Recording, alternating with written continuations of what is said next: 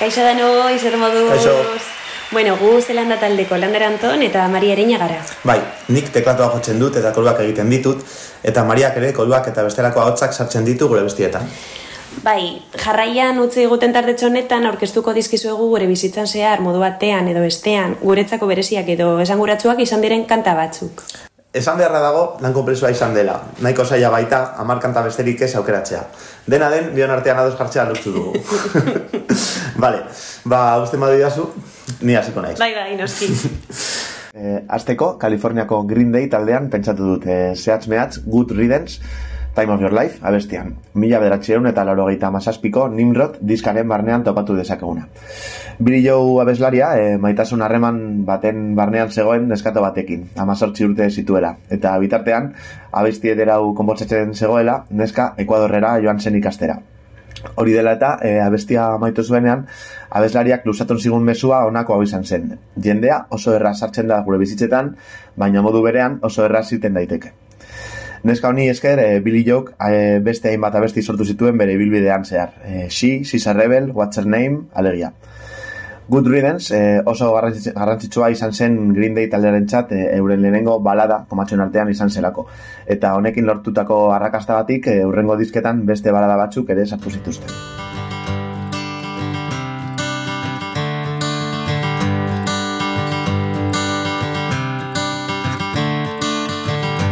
Another turning point, a fork stuck in the road. Time grabs you by the wrist, directs you where to go. So make the best of this test and don't ask why. It's not a question, but a lesson learned in time. It's something unpredictable, but in the end is right. I hope you had the time of your life.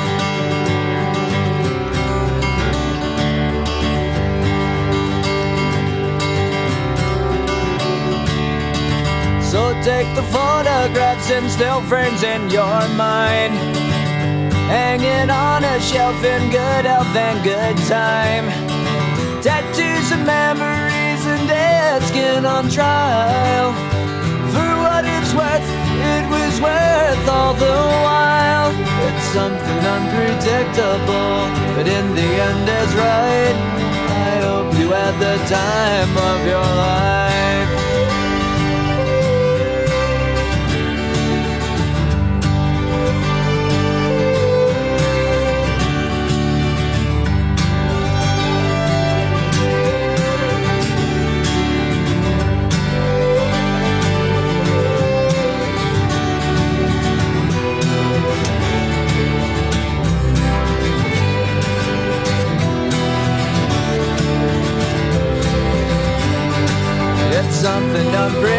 Unpredictable, but in the end it's right.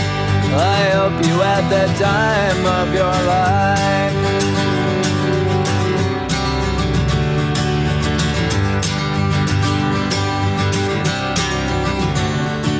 It's something unpredictable, but in the end is right.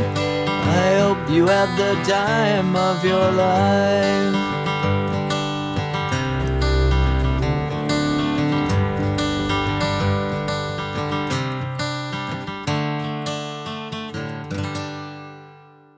Bueno, nire txanda da orain, eta horregatik Mon Laferteri buruz pizkatxo bat hitz egingo izuet. Egia esan ez dakitzen bat denbora egongo nintzateke berari buruz mintzatzen, sekulako abeslaria baita, kreistona hotza duena, eta gainera e, dozein generotan erraz moldatzeko gaitasuna du. Hala erakutsi du bere bilbide musikal osoan zehar, gai izan delako bere amardizketan rantxerak, kumbiak, baladak eta bestelako kantamotak abesteko. Azaroan bere azken diska kaleratu zuen autopoietika izenekoa, eta hitz batekin deskribatzekotan kolas hitza erabiliko nuke. Rosaliaren motomami diska bezala. Izan ere, Monek Instagramen adirazi zuen Bartzelonako abeslaria bere inspirazioa izan zela, beste abeslarie askoren artean noski.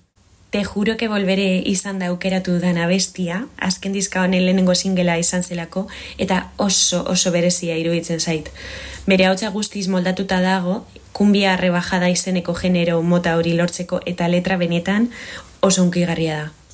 monen hainbat abesti gomendatuko nituzke. Ala nola, tu falta de querer, entzun luen lehenengo abestia, seme bakemar el corazón, honen bertsio eder bat dago YouTubeen bere eta inidezken abestu zuena, eta la trenza diskako no te fumes mi marihuana, zuzeneko ikaragarri bat dago YouTubeen ikusgai, ere bai, kriston musikariekin batera, eta amaitzeko ba amarrame, azken hau Juanesekin. Beraz, hemen usten dizuet bere azken aurkezpen gutunarekin, te juro que volveré.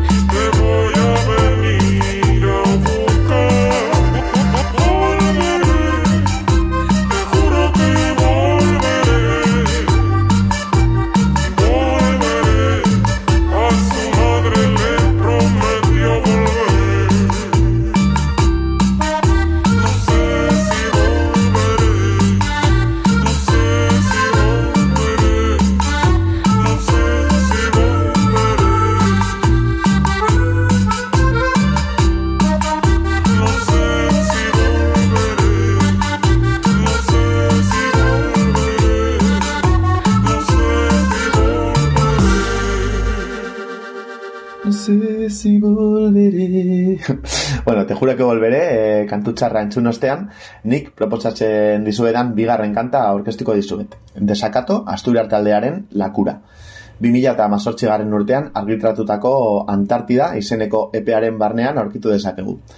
Dudarik gabe, eh, desakato nire bizitzako taldea da, eta horregatik gaur osatzen ari garen eh, musika zerrenda honetan eh, ezin da falta. Horrez gain, epe hau, haien lan onenen artean kokatuko nuke. E, denak batera grabatu zuten estudioa, e, pista bakar batean, old school erara. Abeste honen hautaketa egin dut e, gizakearen izaera autosuntzitsaiari buruz e, hitz egiten duelako. Eta argi dago, gaur egun egunero ikus egun joera bat biakatu da hau, zoritzarrez. Kantak dion modura gu geu gara, gure gaixotasuna. Akura.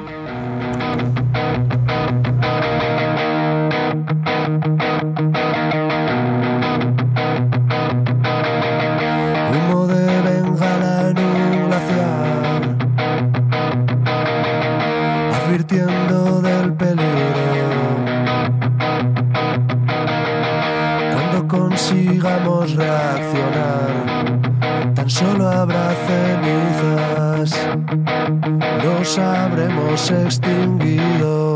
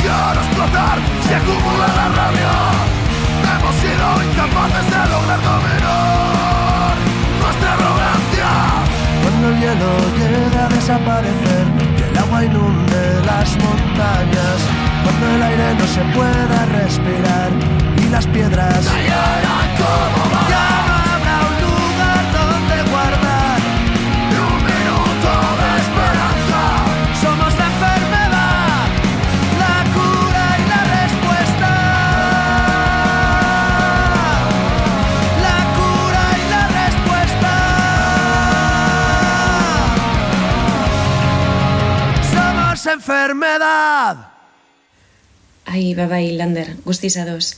Desakatoren abesti batzuk entzun da ditut eta pena bat da dagoeneko zuzenekoetan ikusteko parades izatea, benetan. Nik kasu honetan maite dudan talde australiar batekin jarraituko dut Decat Empire izenekoa. Latindar influentziak dituzte eta punte txikitsu bat botako izuet, holan, bitxikeria moduan. Haiek grabatutako lanetan ez dute gitarrarik erabiltzen. Bueno, zuzenekoetan batzuetan bai. Izan ere, base ritmikoa teklatuekin, perku eta bateriarekin osatzen dute. Orain dela bost urte, gutxi gora bera ezagutu nituen estil dela eta bestiarekin, eta martxoan azkenik haien zuzenekoa gozatzeko aukera izan nuen Santanderren.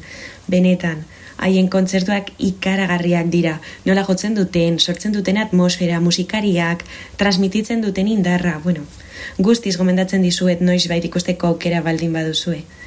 2008an egin zuten bira Europan zehar formazio berri batekin, eta, zera, aurten okerrez banago, estatu mailan dauden festival batzuetan egongo dira. Still Delight diska vinilo formatuan erosi nuen eta bertan komentatutako abestia zegoen, baita gaur proposatuko dizuedan abestia ere. Hemen txedoa, Sleep One Sleep.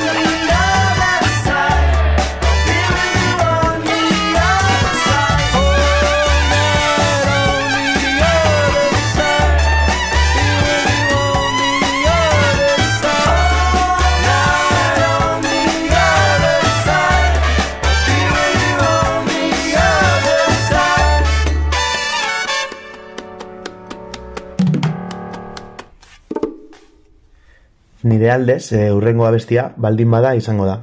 Abesti originala e, izen berbera zuen baldin bada taldearena da, mila beratxean eta laurogeita garren urtean argitaratuta e, Euskaldun rock radikala mugimenduaren barruan. Nire lehen kontaktua abesti honekin, e, betagarriren bertsioarekin izan zen, e, nire nira bezaroan. Bere mezuarekin oso identifikatuta setitu nintzen eta maite asko hartu nuen. Gero, e, nire lehen taldearekin versionatu enuen ere bai eta denagatik garrantzi handia ikusten diot kanta honi nire bizitza musikalean. Betagarriren bertsio hau okeratu dut. E, mila beratzean eta lauro gehieta garren urtean argitaratuta, lauro gehi barra 00 diska errekopilatorioaren barruan.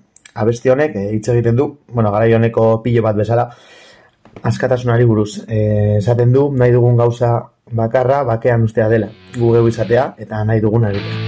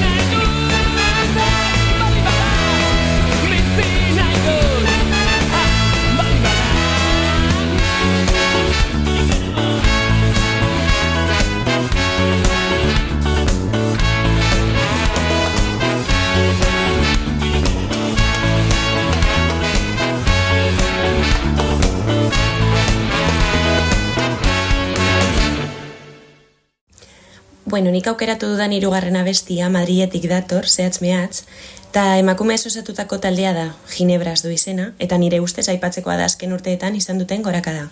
Egun erraz topa dezakegu haien izena hainbat festivalen karteletan, eta postekoa da emakumeen presentzia holtzetan gero eta handiagoa izatea. Kantak ikasteko eta gozatzeko letra errazak dituzte, eta horien bitartez, euren eguneroko kontakizunak aurkezten dituzte erapolit eta zuzen zuzen batean. Entzulekin konektatzeko modu oso nahi iruditzen zait, egia san Txarto gogoratzen ez badut haien berri izan nuen 2008an, Operación Triunfori esker, Maialen Gurbindok, badakizue, txika sobresaltok, abestu zuelako anajurekin Rosaliaren kon altura bestia, baina Ginebras taldeak sortutako bertsioan. Ta bueno, ba horren arira, hien musikantzuten hasi eta bere fan bihurtu nintzen. Gogoratzen dut pandemia pasatu ondoren, Beni Kasimera joan ginela festival batera 2008 bateko urrian. Ta bueno, bertan, lehenengo aldiz ikusi nituela zuzenean. Benetan, kriston barranda bota zuten holtzan, karpa txiki txiki batean gainera. Bueno, ta jendez lepo zegoena. Aurten Ginebras biloko kafean txokian ikusteko aukeraz dugu galduko apirilean. Izan ere, sarrerak agortu zituzten orain dela hilabete batzuk. Beraz, berotzen joateko, bere lehenengo diskantopatu alden abesti bat aurkeztuko dizuet. Hau da, 6 AM. A ver. Va.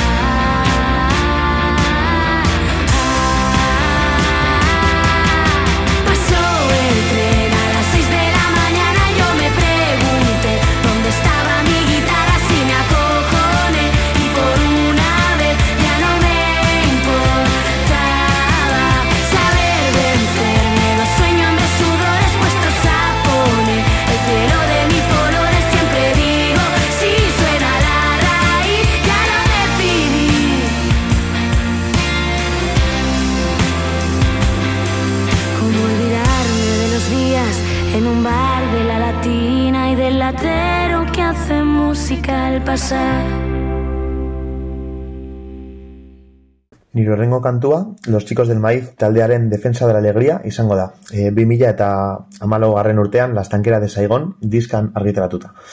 Rap musikak eh, nire bizitzan zehar lagundu dit, txikitatik. Los Chicos del Maíz talde balentziarra da, jada nahiko veteranoak, eta estatuko rap politikoaren aitzindaritzat e, arditzakegu. Bi erraperoek, eh, Nega eta Toni, eta DJak osatzen dute taldea, eta bere zuzen zuzeneko mezuak dute ezaugarri. Aldi askotan izenak eta bizenak ere sartzen. Kasu honetan oso kanta berezia aukeratu dut e, kanta honetan tonik bestek errimatzen du, esan behar dut Toni Mejias gaztelania zerraperoen topen jarriko niokela, eta hemen sistemagatik e, gehien sufritzen duten kolektiboen garrantzia eta indarra aldarrikatzen ditu, eta beraien erresistentziari eta zoriontzua izateko gogoei deia egiten du. Abeste honetan ere Mario Benedetti idazle uruguaiarrari omenaldi txikia ikus dezakegu bere obrako zati batzuk ukitzen. Adibidez, estribilloa izen berberako Defensa de la Alegría poematik hartua da eta amaieran Por qué cantamos poemaren zati baten grabaketa entzun aldugu. Estribilloan senka larraizeko abeslari oiak kolaboratzen du.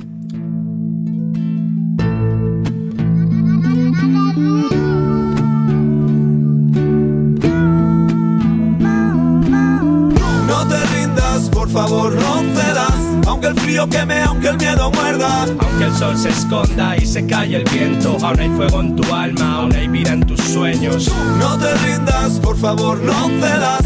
Aunque el frío queme, aunque el miedo muerda. Porque esta es la hora y el mejor momento. Porque no estás sola, porque somos Y cientos. defender la alegría como una trinchera, defenderla del escándalo y la rutina, de la miseria y los miserables, de las ausencias transitorias y las definitivas.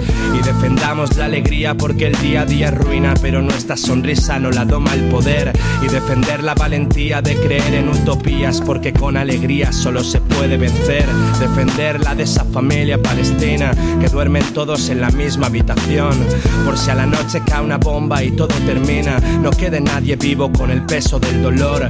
Y ese niño palestino solo quiere jugar, ir al cole, estudiar, ser libre para soñar. Solo quiere ser un niño normal y no conocer los miedos de un adulto antes de ser su edad.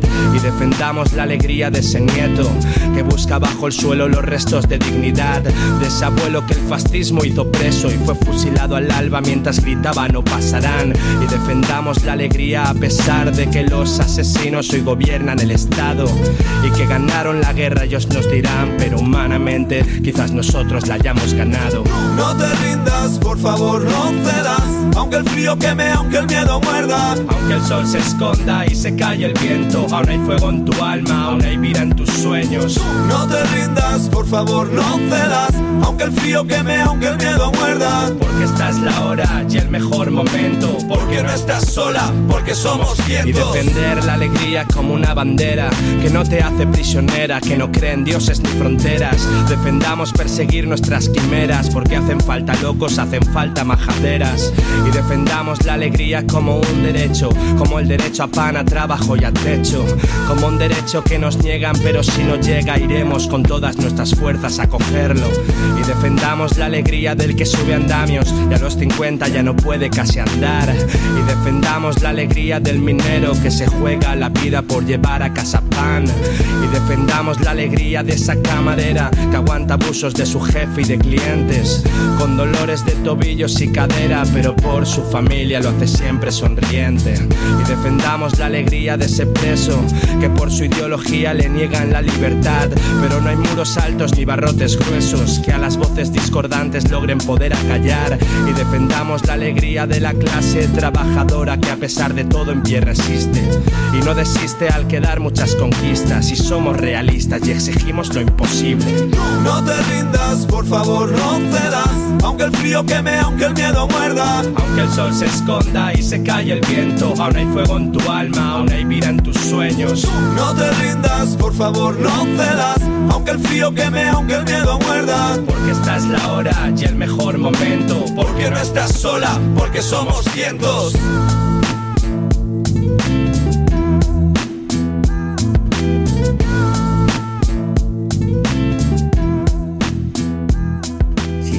Lejos como un horizonte, si allá quedaron árboles y cielo, si cada noche siempre alguna ausencia y cada despertar un desencuentro, usted preguntará por qué cantamos. Cantamos porque el grito no es bastante y no es bastante el llanto ni la bronca. Cantamos porque creemos en la gente y porque venceremos la derrota. Cantamos porque llueve sobre el surco y somos militantes de la vida y porque no podemos ni queremos dejar que la canción se haga ceniza. Bueno, eta orain, nire abestien hautaketari dagokionez, Madriletik Euskal Herrira bueltan gatoz, kasu honetan, Donostiara. 2006 garren urtean ezagutu nuen lier hauts diskarekin turra egiten ari zirela, amurrioko buru biokultura elkarteak kudeatzen duen aretoan. Pena handiz egoera saia bizitzen ari dira gaur egun, baina leku benetan ederra da kontzertuak gozatu ahal izateko. Ni beste talde batean nengoen eta egun berean kointziditu genuen kontzertua emateko. Berehala lideren ahotsak nire harreta piztu zuen baita taldearen soinuak ere. Urteak aurrera egin ahala, euren indarra zuzenekoetan eta diska berrien doinuak gero eta potenteagoak bilakatuz joan ziren eta horregatik hirugarren diskako teloia abestia aukeratu dut. Hemeneren sugeak daude diskarentzako aurrerapen kanta gisa aurkeztu zuten 2008 garren urtean, eta 2008 batean kaleratu zuten haien azkenengo lan luzea, irailean iragarri baitzutelako etenaldi bat haien sare sozialetan. Hala ere lide orain topera dabil bere bakarkako proiektuarekin, bele, soula, bluesa eta bestelako musika afroamerikarra nahazten dituenak doinu poperoagoak sortuz. Taldeak adierazi zuena kontuan hartuta, teloia kantako protagonistak maitasune romantikoaren idealekin amaitzen du. Nolabait teloia hori erortzen denean, betidanik saldu nahi izan diguten maitasun mota horren topikoekin amaituz.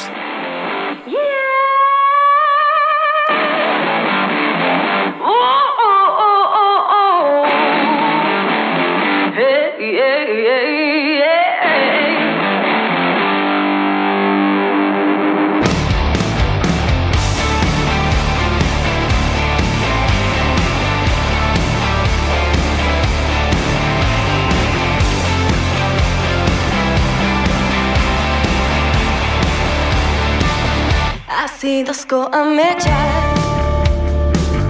Garratzi izan daitezke. Kolpetik esnatzean. Zu orain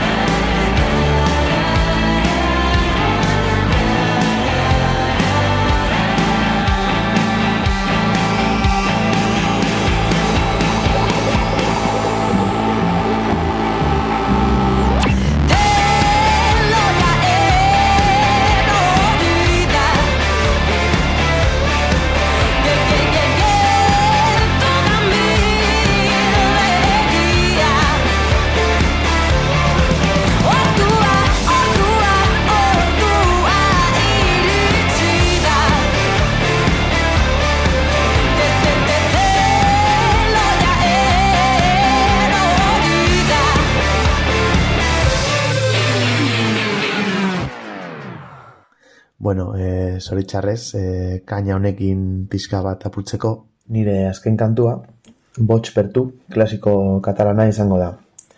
Originala, ez hau taldearena da, mila beratxeun eta laurogeita mar garren urtean, kinanit diskan argitratuta. Oso gustuko dut eh, musika eta hizkuntza katalana, segurazki hau da entzun nuen lehen abestia eta nire barruan geratu zen. Sau, e, laurogei, laurogeita marretako rock talde katalana da, eta hau da beraien kantarik e, arrakastatxuena. Talde askok bertsonatu dute, Jango eta Shakira bezala, baina agian betxorik famatuena Luz Casalen esporti kanta da. Datu aipagarrea da, e, bigarren estrofa, Blade Runner filmearen zati batean oinarriztuta dagoela. Zehazki bati, tekardi hiltzeko ordua dela, esaten dion elkarrizketa famatua. Kanda, balada klasikoa da, e, bateria ritmo perezgarri batekin, eta amodiozko abestia bada ere oso maitale berezi bati dedikatuta dago. Ilargia.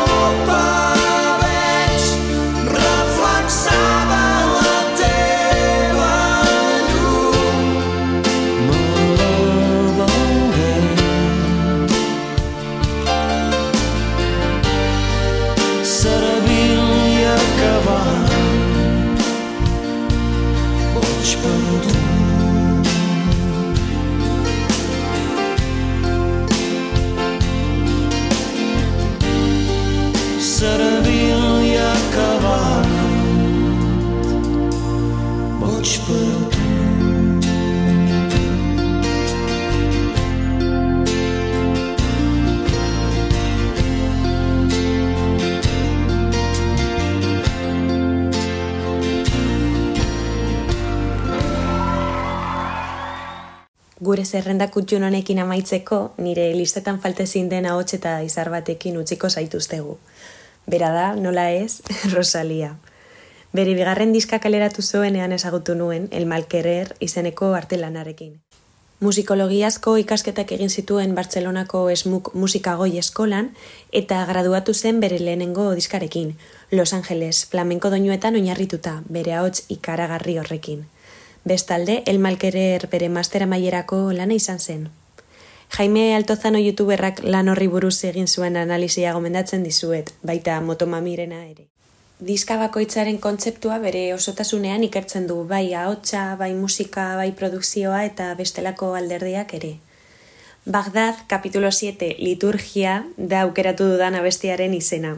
Izan ere, El Malquerer diska, romance de flamenka egile ez ezaguneko eleberrian oinarrituta dago, eta kanta bakoitzak kapitulo desberdin baten izena darama. Bagdaden hasiera agian ezagun egingo zaizue. Justin Timberlakeen Cry Me a River kanta sampleatuta baitago. Rosaliak baimena eskatu baitzion honi. Besterik gabe, ba, mila esker beste aldean entzun gaitu zuen hoi eta nola ez, naiz irratiari, zelandako kidei tartetxo hau usteagatik. Mila esker eta ondo izan. Agur, agur.